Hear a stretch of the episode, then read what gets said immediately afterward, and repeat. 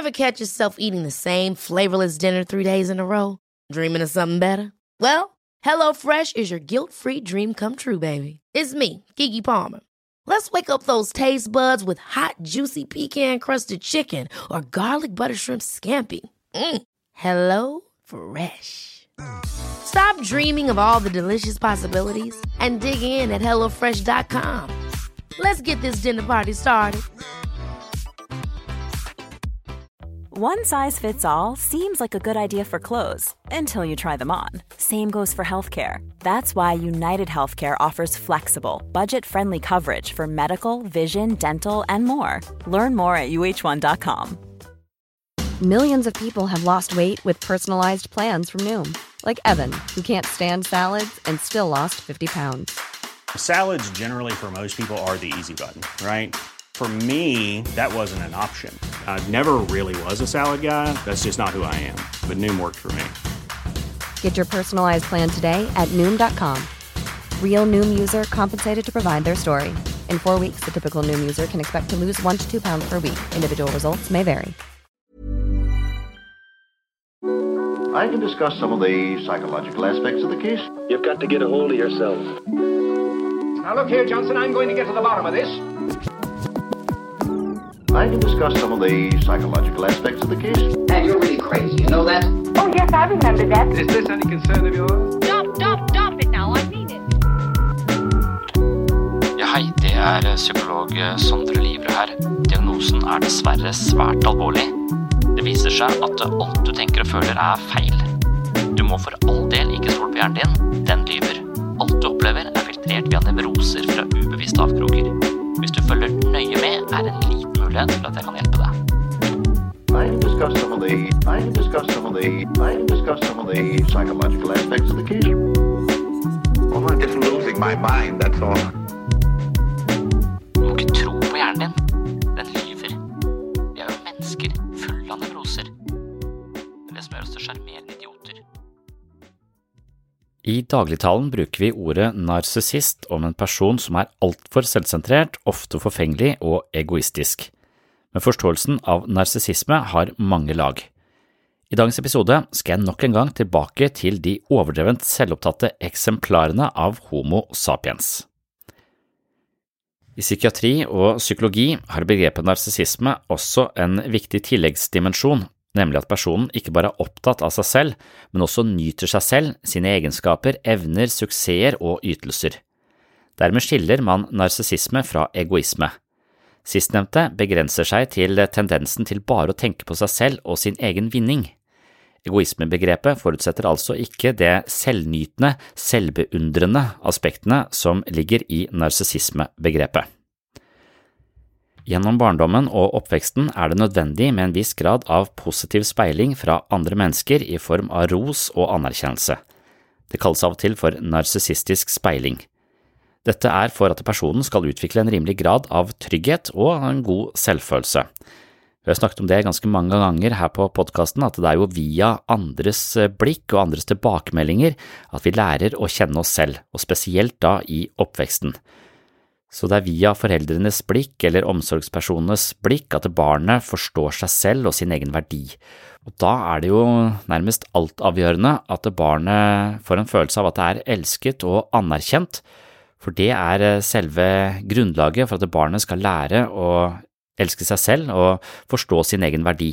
Og hvis vi ikke forstår vår egen verdi, eller tenker at vi er verdiløse, så er det veldig vanskelig å drifte et hvilket som helst livsprosjekt, eller tro at man har noe å komme med i ulike sammenhenger, og da ender man opp eh, i en ganske vanskelig posisjon, hvor det også er vanskelig å skape god kontakt til andre mennesker.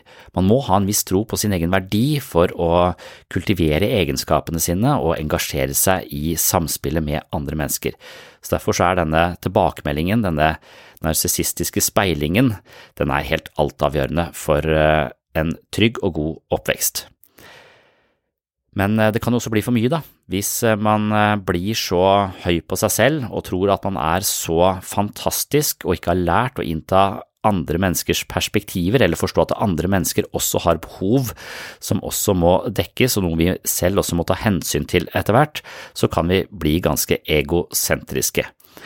Så da er vi inne på dette her når narsissisme blir et problem. Og det oppstår altså imidlertid et problem da, når narsissisme blir så sterk at personen mister evnen til å se og anerkjenne andre, og bruker mer og mer energi på å nyte sin egen fortreffelighet. Dette kalles en narsissistisk forstyrrelse. Hvis disse karaktertrekkene er så markerte at de involverer funksjonssvikt eller lidelse for andre, snakker man om narsissistisk personlighetsforstyrrelse. Dette skriver Ulrik Malt ved Universitetet i Oslo om narsissisme. I dagens episode skal jeg innlede med noe jeg selv har skrevet om narsissisme for en del år siden, og deretter skal du få være med til et foredrag hvor jeg drodler videre over selvopptatthetens psykologi. Så vår folkelige antagelse om narsissisten er jo at vedkommende er langt over gjennomsnittlig selvopptatt, selvgod og kanskje litt overfladisk arrogant. Men bak denne fasaden føler narsissisten ofte seg ganske svak, liten og skamfull, og av og til usikker på hvem han eller hun egentlig er. Og I psykoanalysen beskrev Sigmund Freud to typer for narsissisme. Den første kalte han primærnarsissisme, og forsto den som en naturlig tilstand hos nyfødte barn. Sekundærnarsissisme refererer til en utvikling hvor personen kom uforrettet ut av spedbarnsstadiet og dermed vokser opp med udekte behov for bekreftelse av sitt eh, selv. Dersom man ønsker å lese hva Freud har å si om personlighet, vil jeg mene at det er hans forelesninger til innføring i psykoanalyse som er lettest tilgjengelig og gir den beste oversikten. I denne boka sammenfatter psykoanalysens grunnlegger sine forskningsresultater på sjelslivets område. Men han tenkte altså at denne sekundærnarsissismen, det var eh, når vi kom gjennom barndommen og manglet bekreftelse og denne anerkjennelsen, denne rosen, og vi da endte opp i voksenlivet med et slags udekt behov, det jeg ofte kaller et ego i underskudd, som hele tiden higer etter å få bekreftelse på hvem det er og da kan man bli desperat i denne kampen for eh, anerkjennelse og bekreftelse, og i verste fall så har ikke denne bekreftelsen noe sted å bo, sånn at man kan ofte få denne bekreftelsen fra andre, men det fungerer bare som en slags sobril, det vil bare gi en slags midlertidig lettelse eller en midlertidig følelse av verdi, og så bare forsvinner den, og så må man ha en ny en og en ny en og en ny en. Så man blir litt av sånn bekreftelsesnarkoman som hele tiden søker nye bekreftelser.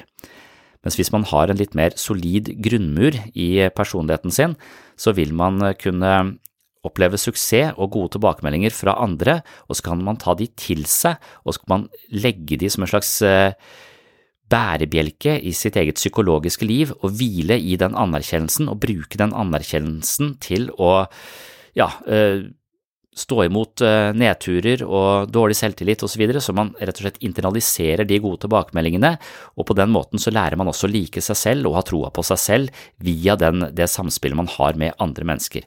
Så da fungerer disse tilbakemeldingene fra andre mennesker veldig godt, og da har man også ofte overskudd til å gi andre disse typer tilbakemeldingene. Men for narsissisten så kommer jo aldri disse gode tilbakemeldingene eller denne kjærligheten, denne anerkjennelsen, da de vokste opp, og dermed så blir de besatt av å få det, men vet kanskje ikke helt hvordan de skal beholde det, og dermed så renner det nesten bare rett igjennom ofte, og da blir livet en evig kamp hvor man hele tiden må ha nye bekreftelser. Det er eh, kanskje en ganske riktig observasjon da, når man i popkulturen snakker om eh, narsissisten som eh, langt over gjennomsnittlig selvopptatt og egosentrisk. Og det er i hvert fall sant hvis vi ser det fra et andre- eller tredjepersons perspektiv, men fra narsissistens eget perspektiv finner man en overveiende usikkerhet på eget selv. Personen forsøker å kompensere for denne uklare oppfatningen av seg selv ved å tilstrebe bekreftelser fra omgivelsene. Han eller hun rammes av en slags følelse av kaotisk tilintetgjørelse dersom omgivelsene ikke til stadighet attesterer deres eksistens. Gjennom mange av eh, episodene her på Sinnsyn har vi hele tiden hatt eh, et fokus på tilblivelsen av eh, mennesket, denne psykologiske tilblivelsen av mennesket, og hvordan den er avhengig av omgivelsenes tilbakemeldinger. På sett og vis blir vi altså mennesker når andre forteller oss hvem vi er, for narsissisten er denne prosessen uforløst i denne tidligste fasen i livet, hvor grunnmuren for selvforståelse blir støpt, noe som fører til at behovet for bekreftelse senere i livet antar desperate dimensjoner. Personens fokus på egen agenda overskygger respekt og omtanke for andre. Vedkommende har få meninger og oppfatninger om anliggende som ikke direkte angår dem selv. Derfor kopierer de andres kvaliteter slik at de til en viss grad evner å manøvrere seg gjennom sosiale situasjoner. Jeg husker blant annet at Donald Trump, det ble sagt at han ikke gadd å lese en tekst, og som president, når han var president, så måtte han jo sannsynligvis lese ganske mange dokumenter, men for at han skulle kunne lese de, så måtte de eh, sette inn navnet hans eh, i hver eneste passasje, for hvis ikke så ga han opp. Så det kan jo understøtte litt av denne det står, det, det vi snakker om nå, da, med å hele tiden eh, kun være interessert i de tingene som direkte angår eh, dem selv. Det er også i denne sammenhengen man kan fornemme det overfladiske anstrøket hos narsissisten. Det antas dessuten at atferd som synes respektfull eller empatisk hos disse karakterene, først og fremst er et virkemiddel i en type tilsiktet svindel for å manipulere omgivelsene. Slike personlighetstrekk er antagelig delvis forenlig med det man på folkemunne kaller psykopati, men psykopatibegrepet er for lengst utgått og avleggs, eller det er i hvert fall ikke noe man bruker eh, i Norge. Eh, her har vi ofte dyssosial personlighetsforstyrrelse, og narsissistisk personlighetsforstyrrelse, som de er et begrep man bruker i andre land, det ligner av denne dyssosiale. Men jeg tenker også at narsissisme og psykopati kan kanskje være litt forskjellig, at eh, psykopati er i en egen liga hvor det er total mangel på empati. Men en del av de menneskene som vi anser som ganske selvsentrerte, det viser seg at de faktisk har ganske mye empati, det bare, de trenger bare å få servert eh, andres opplevelser litt tydelig. For det ble gjort en eh, studie ved University of Southampton, tror jeg, eller Surrey. Begge de to stedene har de studert folk som scorer høyt på narsissisme, og plassert de foran en video hvor de ser mennesker snakke om hvordan de har vært utsatt for overgrep, hvor redde de var, hvor hjelpeløse de følte seg osv., og, så har man målt reaksjonen på disse folka som da scorer høyt på narsissisme. Og de utviser eh, tegn på empati, og de blir opprørt over den andres smerte. Så det er altså de eh, de parameterne man tenker eh, karakteriserer eh, empati. Så det viser seg at hvis man da er eh, hvis de får servert andres lidelse litt tydelig, så vil de også reagere med empati, det sitter kanskje bare litt mer litt lenger inne hos narsissisten, mens psykopaten kan sikkert forstå andre menneskers smerte, men ikke føle noe medfølelse med det, og kanskje i verste fall utnytte denne smerten til sitt eget beste, eller til sin egen nytelse, for den saks skyld. Så narsissisme er jo noe som ligger i normalbefolkningen, det er kanskje den eh, viktigste parameteren når det gjelder å forstå menneskets psykologiske liv i det hele tatt.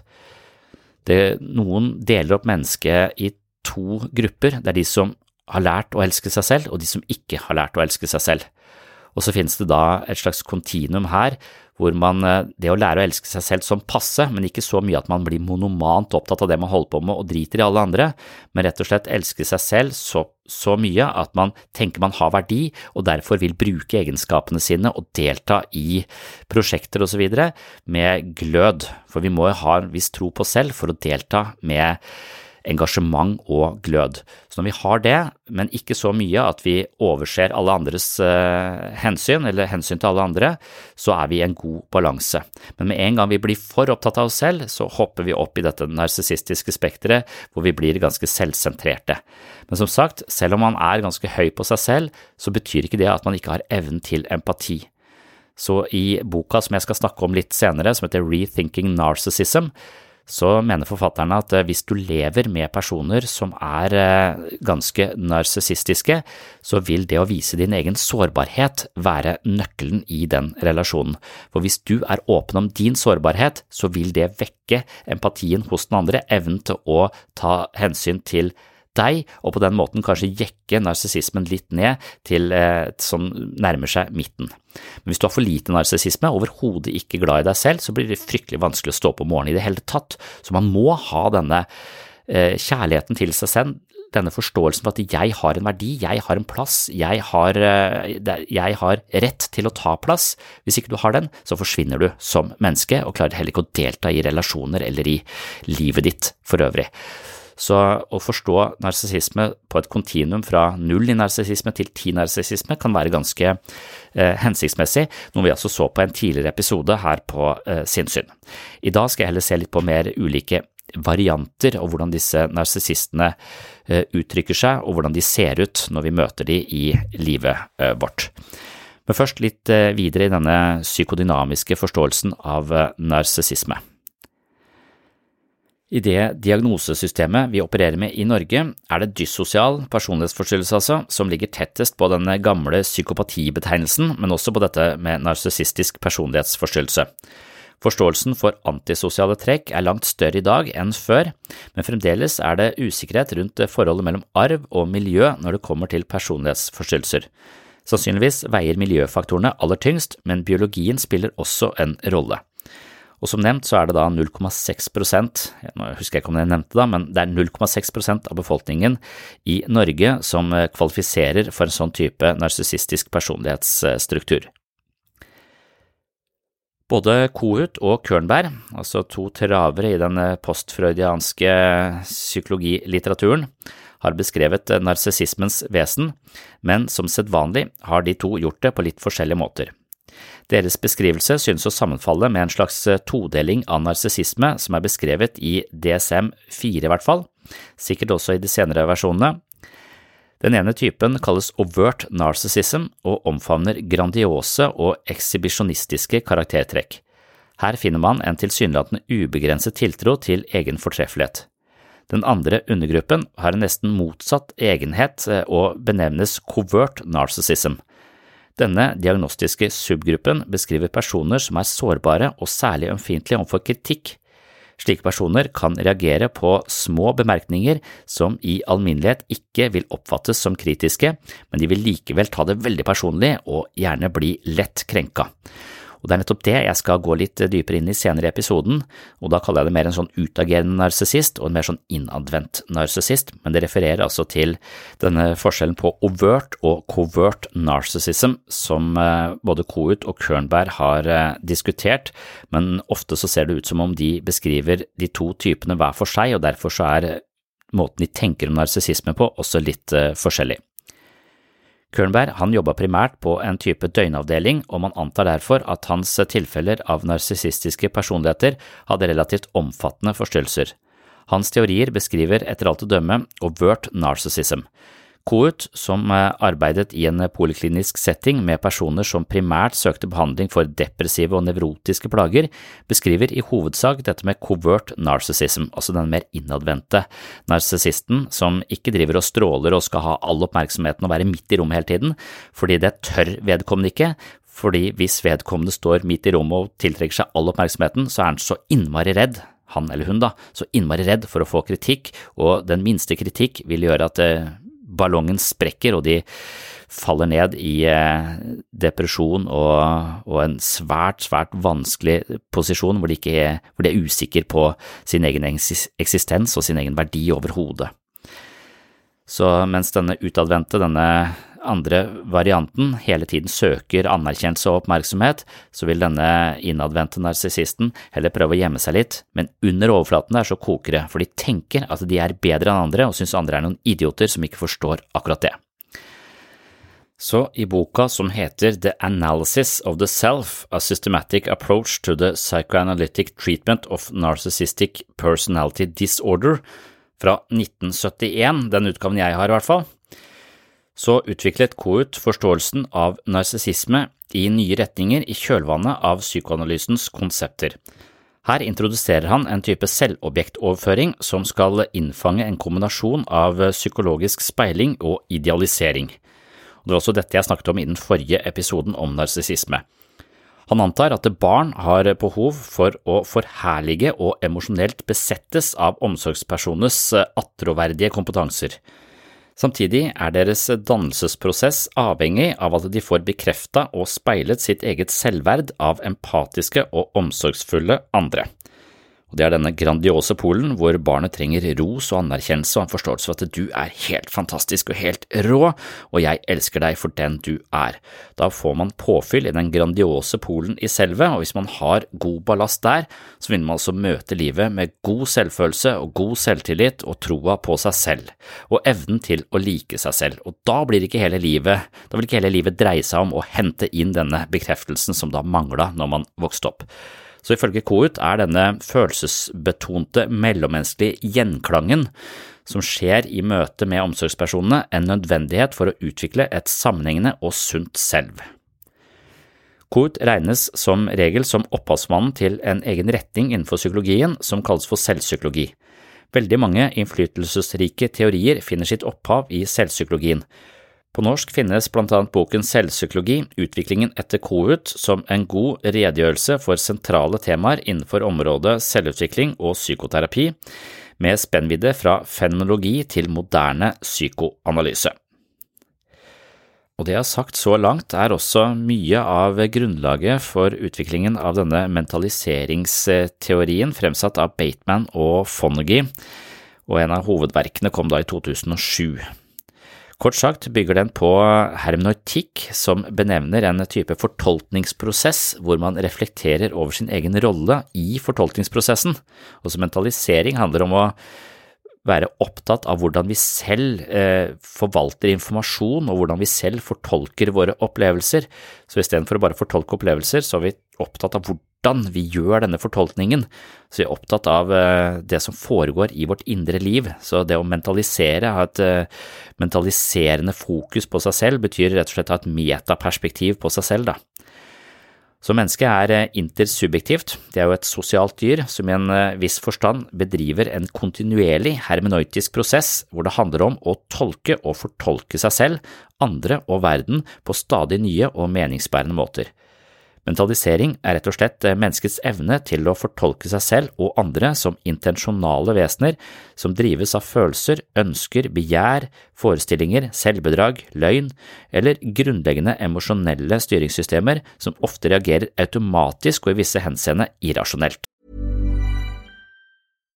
One size fits all seems like a good idea for clothes until you try them on. Same goes for healthcare. That's why United Healthcare offers flexible, budget friendly coverage for medical, vision, dental, and more. Learn more at uh1.com. Ever catch yourself eating the same flavorless dinner three days in a row? Dreaming of something better? Well, HelloFresh is your guilt free dream come true, baby. It's me, Gigi Palmer. Let's wake up those taste buds with hot, juicy pecan crusted chicken or garlic butter shrimp scampi. Mm. Hello Fresh. Stop dreaming of all the delicious possibilities and dig in at HelloFresh.com. Let's get this dinner party started. Hey, it's Ryan Reynolds, and I'm here with Keith, co star of my upcoming film, If, only in theaters, May 17th. Do you want to tell people the big news? All right, I'll do it. Sign up now and you'll get unlimited for $15 a month in six months of Paramount Plus Essential Plan on us. Mintmobile.com slash switch. Upfront payment of $45 equivalent to $15 per month. Unlimited over 40 gigabytes per month. Face lower speeds. Videos at 480p. Active Mint customers by 531.24 get six months of Paramount Plus Essential Plan. Auto renews after six months. Offer ends May 31st, 2024. Separate Paramount Plus registration required. Terms and conditions apply if rated PG. Mentalisering kan kanskje oppsummeres som evnen til å se seg selv utenfra og andre innenfra. Det handler om å leve seg inn i andres perspektiver og stille spørsmålstegn ved sine egne subjektive konklusjoner eller sannheter, da sannheter i hermetegn. Og det er jo på grunn av dette jeg pleier å si alt du tenker og føler er feil, ikke fordi jeg mener det sånn uh, bastant, men fordi det vil anspore oss til å tenke litt over hvorfor vi konkluderte på akkurat den måten, hvorfor vi føler på akkurat den måten, hvorfor vi tenker på akkurat den måten, og det kobler på mentaliseringsevnen vår. Det krever at vi observerer vårt eget sinn i arbeid. I så måte er mentalisering og mentaliseringsbasert terapi sannsynligvis et ypperlig utgangspunkt i møte med narsissisme, antisosiale mennesker eller dyssosiale personligheter som nettopp mangler innlevelsesevne i andres opplevelser, hvorpå de ofte neglisjerer andres behov og følelser i en slik grad at vi tolker det som egoisme og kanskje i verste fall som ondskap når vi ser til psykopatibegrepet. og blant annet Bateman, som var gjesteprofessor ved det universitetet jeg studerte, og jeg elsket å være på forelesninger med denne litt tøffe fyren som kom på motorsykkel. Han kom jo fra London og fløy til Danmark, og så leide han seg en motorsykkel. Så kom han da til forelesningene på denne motorsykkelen, og han var kjent for å ha ganske gode resultater med dyssosiale personer, og det er en pasientgruppe man tradisjonelt sett har tenkt er kjempevanskelig å behandle, og kanskje nesten er behandlingsresistente, at det er nesten umulig å behandle de, men han hadde også ganske gode resultater.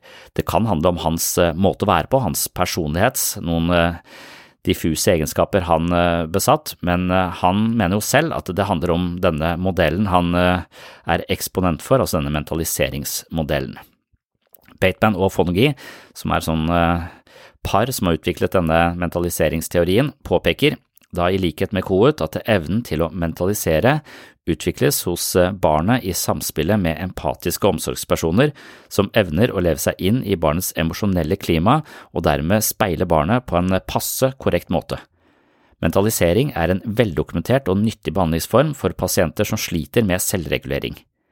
Det er gjennom en slik speilende eller mentaliserende prosess at barnet, eller da pasienten, lærer å forstå seg selv, sine psykologiske reaksjoner og sin plass i den løpende tilværelsen. Slik innsikt og erfaring i egen psykologi skaper det nødvendige grunnlaget for den emosjonelle selvreguleringen som kjennetegner den friske personligheten.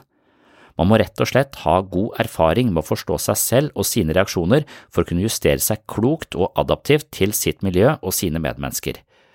Barnets bestilling ved fødselen er da en empatisk person og et trygt miljø som kan fylle de emosjonelle styringssystemene med gode erfaringer og etter hvert eh, kloke føringer som gjør at det på sikt kan leve så tilfredsstillende som mulig med det psykologiske enigma som barnet etter hvert kommer til å kalle sin personlighet eller sitt selv.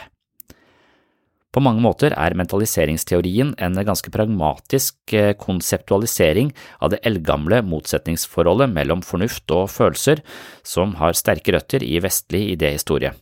Når vi oversvømmes av følelser, forsvinner fornuften og da mentaliseringsevnen. Denne innsikten er eldgammel, noe som henfører flere kritikere til å kalle mentaliseringsteorien for gammel vin i nye flasker. Likevel slår teorien seg frem med stor suksess og den har da etter hvert status som et slags eh, paradigme innenfor psykiatrisk behandling. De eventuelle genistrekene finner vi sannsynligvis i det teoretiske rammeverket hvor mentalisering som konsept hviler på en integrativ sammenkobling av evolusjonspsykologi, tilknytningsparadigme, utviklingspsykologi, nevrobiologi, psykoanalytisk psykoterapi og personlighetspatologi. I tillegg til et omfattende interdisiplinært samarbeid har teorien dratt veksel på innsikt fra fenomenologi, hermeneutikk og intersubjektivitetsteori, og videre koblet disse subjektive aspektene til den objektive, positivistiske og naturvitenskapelige tradisjonen. Så akkurat dette her, det var vel eh, for psykologinerdene. Poenget er vel at eh, mentaliseringsteorien er et konglomerat av ulike perspektiver som da er integrert på en eh, sånn måte at det kan romme de fleste terapiformer, egentlig, for veldig mye handler da bare om å peke mennesker innover til denne prosessen som foregår i deres indre, hvor de skrur sammen alle sine opplevelser av tilværelsen. Hvis de er overveldet av følelser, så vil fokuset snevres inn, og de vil miste gangsyn. Og det å koble på et slags observerende blikk der, det er det mentalisering handler om, og det er vel egentlig det terapi eh, ofte handler om. Så i boken Mentaliseringsbasert terapi for borderline personlighetsforstyrrelse fra 2007 gir Bateman og Fongi et ganske godt innblikk i dette mentaliseringsbaserte eh, terapiformen. Boken har mange kliniske eksempler som gir et ganske godt inntrykk og et ganske godt innblikk i denne behandlingsmetoden. Og siden eh, Bateman da var en slags gjesteprofessor ved det universitetet jeg gikk, så har også mentalisering fulgt meg som en slags uh, teori jeg lener meg på i, i, min kliniske hverdag. Da. Så det er også den typen gruppeterapi jeg bedriver, baserer jeg da på mentaliseringsideene fra Bateman og Fongi. Og som sagt så er det også en teori som kanskje kan eh, kaste litt lys over eh, narsissisme og narsissistisk utvikling. Og i det følgende så skal du få være med inn til et eh, foredrag hvor jeg snakker litt om de ulike formene for eh, narsissisme. de som vi tidligere kalte overt og convert narcissism i henhold til Kohut og Kørnberg, men som jeg nå heller i litt mer sånn folkelig forstand kaller en slags utadvendt eller ekstrovert narsissisme og en introvert narsissisme, samt en narsissist som etter hvert blir kalt dugnadnarsissisten. Så det blir altså avslutningen på dagens episode. Den boka snakker også om tre ulike former for narsissisme. Det kaller den sånn utagerende narsissismen, eller den mer sånn ekstroverte narsissismen. Det er de som parkerer Porscha lett synlig og tar på seg finstasen selv om de skal i et eller annet eh, hverdagslig møte. Det er de som driver med masse show-off, ikke sant, og de søker oppmerksomhet ved enhver anledning. Og de vil vise seg enten det da dreier seg om utseende, status eller talenter. Og de markerer seg så fort de får en sjanse. De kaller det for den ekstroverte narsissisten. Det er mer sånn utagerende narsissisme. Den litt mindre synlige varianten er den introverte narsissisten, eller den For problemet til den introverte narsissisten er at den er såpass sårbar at vedkommende ikke tåler noen form for kritikk. Hvis du ikke tåler noe kritikk, så kan du heller ikke synes. Så de vil unngå enhver form for oppmerksomhet, fordi de er livredd for et kritisk blikk, for da går de liksom til grunne. Så de driver ikke med denne typen show-off. Men i sitt univers da, så er de jo overbevist om at de er overlegne, og så irriterer de seg over at alle andre er så dumme at de ikke forstår at de da er sammen med et overdrevent begavet menneske. Da. Så de er ofte mer sånn eh, passivt eh, aggressive. Og de eh, går rundt og tenker at de er bedre enn andre, og de Man kan lukte det, man kan merke det, men det utstråler det, men de vil liksom ikke ta plassen eller vise seg. De bare føler de fortjener andres beundring uten å egentlig gjøre noe, og syns at andre er dumme som ikke, ikke ser det.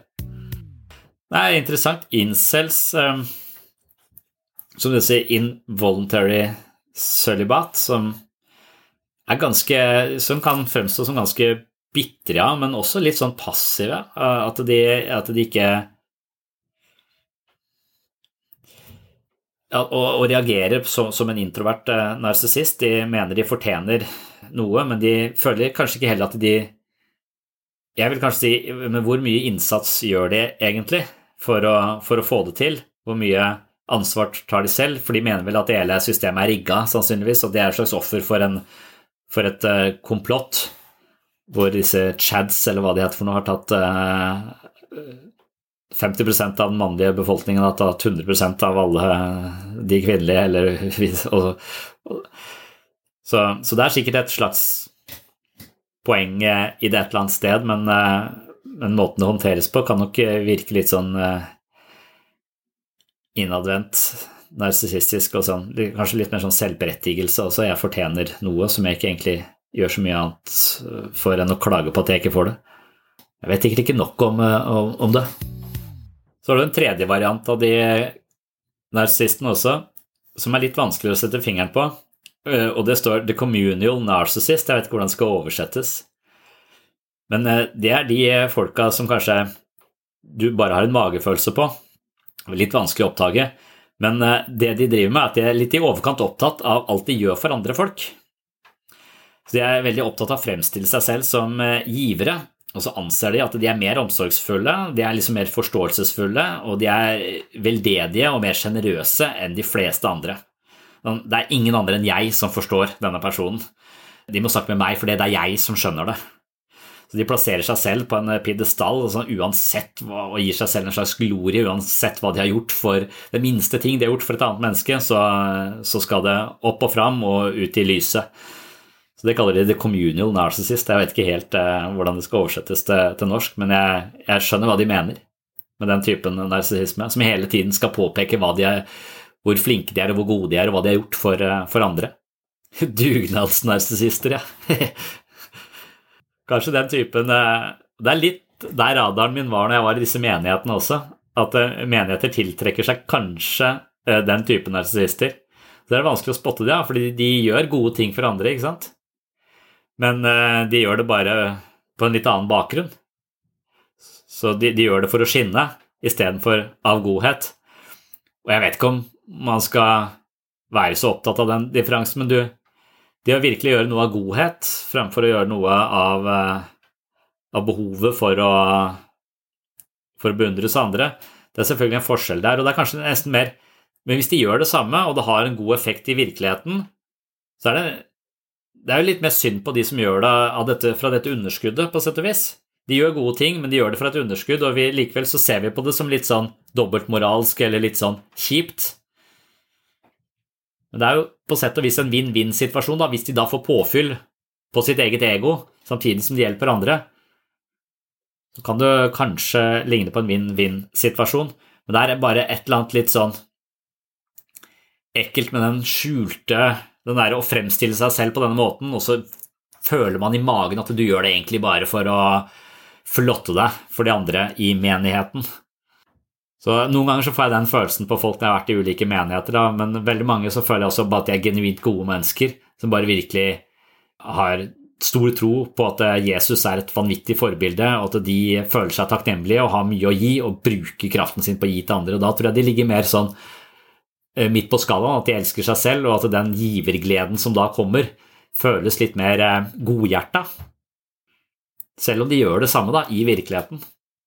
Vi liker liksom ikke det. Vi føler det som litt sånn two-face, tror jeg. At eh, mennesker påstår å ha en motivasjon, og så føler vi at motivasjonen egentlig er en helt annen, at den ikke er så veldedig, men snarere mer egosentrisk.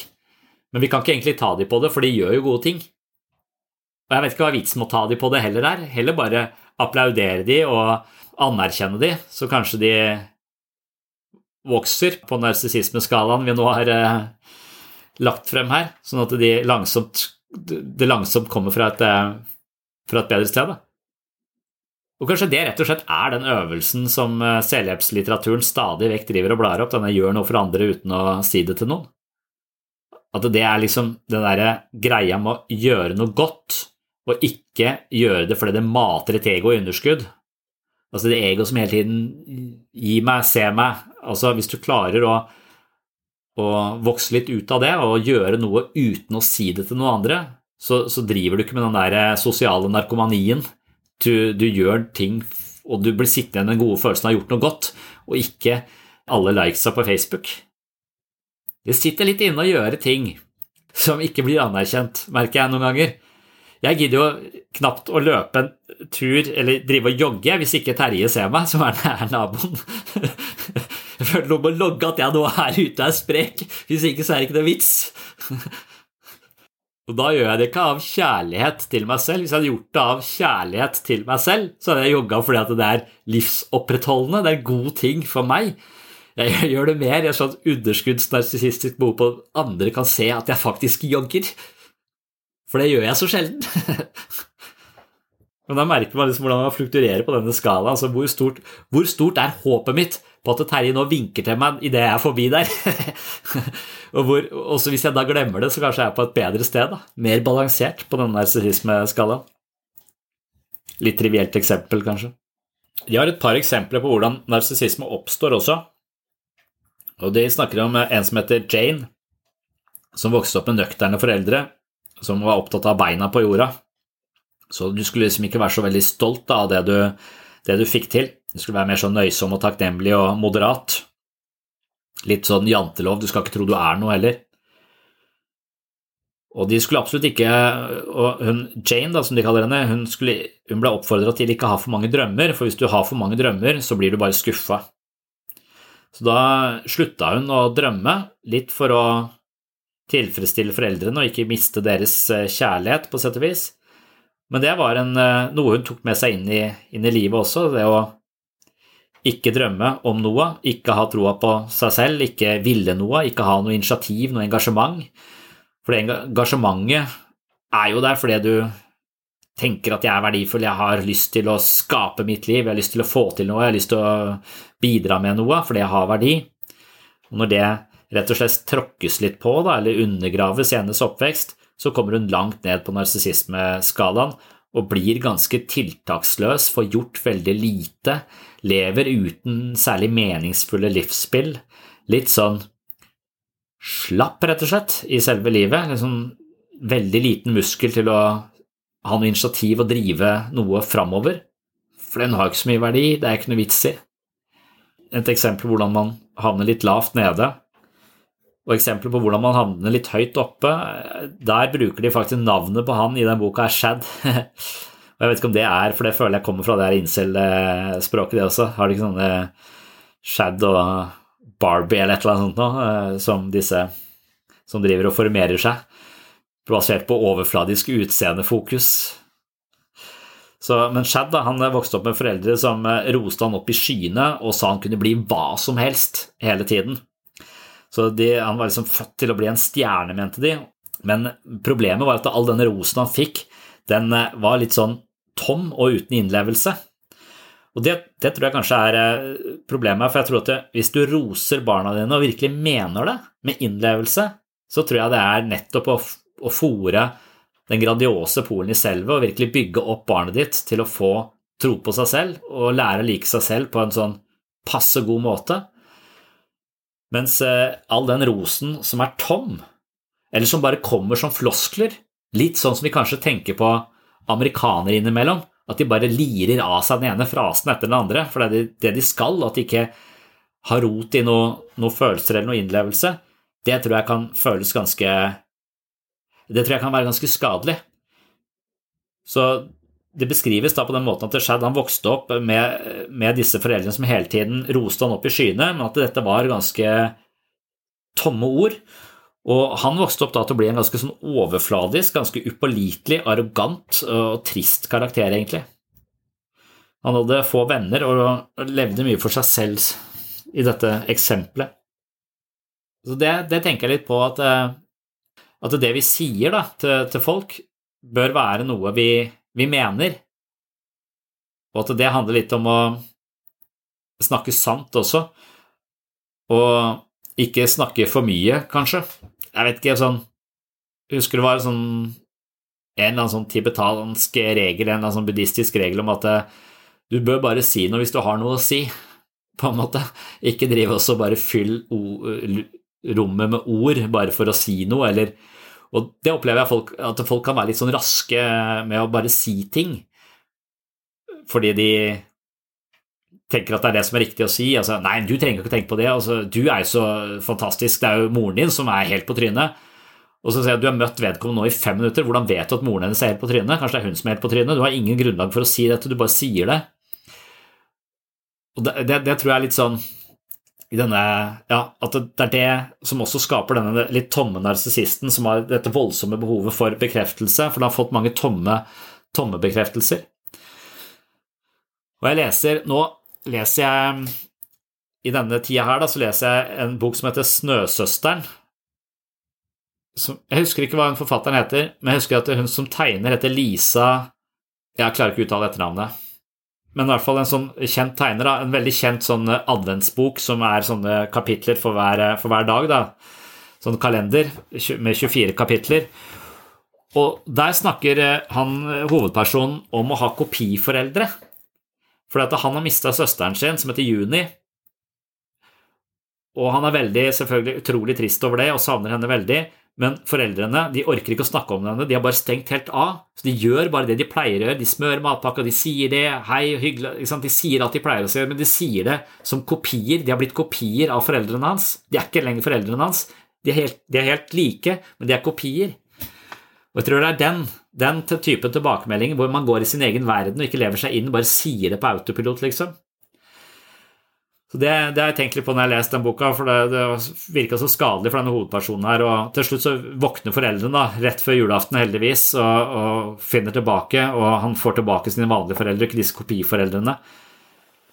Men jeg tenker det at det er lett å gjøre i en stressende hverdag og bare Ja, det var fint, da, det var fin tegning. Altså jeg bare kaster et blikk på det uten å egentlig se på det. Da er det bedre ikke si noe, føler jeg. Kanskje at jeg skal, i hvert fall, Hvis jeg skal uttale meg, så skal jeg mene det. Det er, det er, litt sånn jeg tenker i terapi hele tiden. Da, at det, alt det jeg sier, skal jeg, skal jeg, mene. Jeg skal føle det. Jeg skal ikke si det hvis jeg bare sier det for å si det. Jeg må si det med integritet, da. Og det krever så mye mer. Og det, det, jeg, det, det tror jeg er mitt nyttårsforsett å ta med meg inn i, inn i familielivet også. Si Hvis jeg først skal si noe, ta meg tid til å føle, tenke gjennom det og føle for det. Og Det betyr jo ikke at alle tegningene de kommer med, eh, er så innmari fine, men jeg kan komme til å skryte av innsatsen. Jeg finner alltid noe, Når de stråler og er fornøyd med noe, så er det lett å finne en slags glede hos meg ved det, og en innlevelse. Det tar bare bitte lite grann eh, mer kapasitet. Men det er vel det å være mer bevisst til stede i livet sitt, og da kanskje jeg unngår at jeg havner på toppskalaen her på narsissismespekteret, forhåpentligvis, hvor de søker eh, sånn hvileløst etter disse bekreftelsene av andre folk når de flytter hjemmefra, fordi de føler seg aldri egentlig fått noe som er forankra og betyr noe. Takk for at du hører på Sinnsyn. Det du hørte til slutt her, det var kun et uh, utdrag fra en lengre episode om uh, narsissisme. Er du blant de som synes narsissismetematikken er interessant og gjerne vil høre mer, så har jeg laget en episode til om narsissisme på min Patron-konto. På patron.com sinnssyn kan du abonnere på Sinnssyns mentale treningsstudio, og som abonnent av Sinnsyn får du tilgang til masse ekstra episoder av Sinnsyn.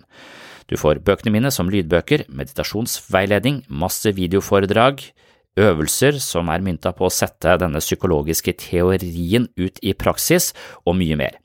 Så hvis du melder deg inn nå for å dykke videre ned i narsissismens psykologi, så kan du bla deg frem i premiumkatalogen på Patron og finne episode 72 som heter Elsk deg selv sånn passe. Eller du kan se min miniserie i tre deler, som er et videoforedrag hvor jeg også eh, retter lyset mot narsissisme, og denne miniserien den heter bare Narsissisme.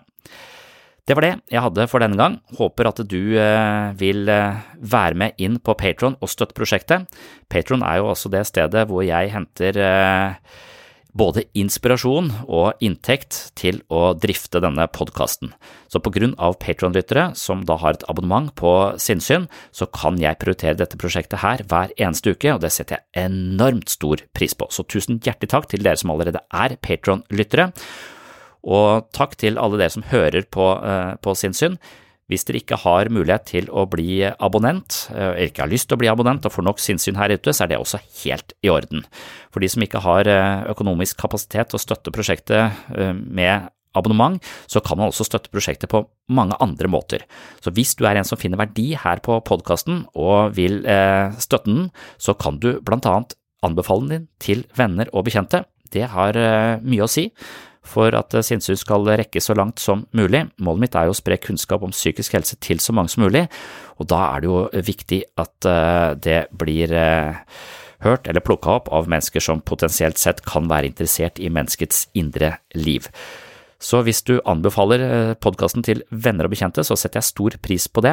Kanskje du kan dele den i sosiale medier, og du kan også, hvis du er skikkelig grei, gi meg noen tilbakemeldinger i iTunes eller på Spotify, og da gjerne med så mange stjerner som mulig, for det gir valuta i denne narsissistiske kampen om å bli sett blant alle disse podkastene. Så se meg, se meg, se meg. Jo mer stjerner jeg får, jo mer blir jeg sett, så det vil da dekke mine narsissistiske behov og bli et slags påfyll på denne grandiose tanken eh, som Kout snakker om inni sinnssyn sitt eh, psykiske univers. Ja, ok, det ble litt drøyt. Takk for at du hører på. Håper du henger med i neste episode, og ja, takk for i dag. Oh, I'm just losing my mind, that's all.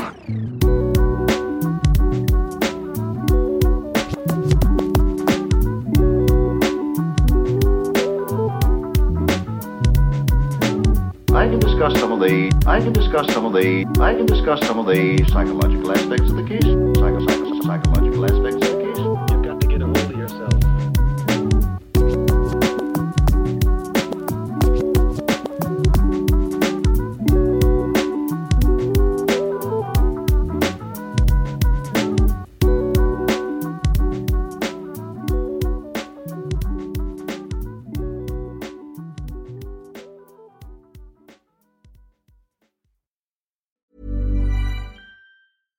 Ever catch yourself eating the same flavorless dinner three days in a row? Dreaming of something better? Well, HelloFresh is your guilt-free dream come true, baby. It's me, Kiki Palmer. Let's wake up those taste buds with hot, juicy pecan-crusted chicken or garlic butter shrimp scampi. Mm. Hello Fresh.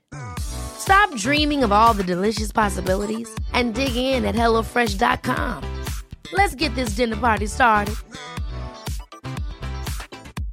Imagine the softest sheets you've ever felt. Now imagine them getting even softer over time. That's what you'll feel with Bowl and Branch's organic cotton sheets. In a recent customer survey, 96% replied that Bowl and Branch sheets get softer with every wash. Start getting your best night's sleep in these sheets that get softer and softer for years to come. Try their sheets with a 30-night guarantee. Plus, get 15% off your first order at bowlandbranch.com. Code BUTTERY. Exclusions apply. See site for details.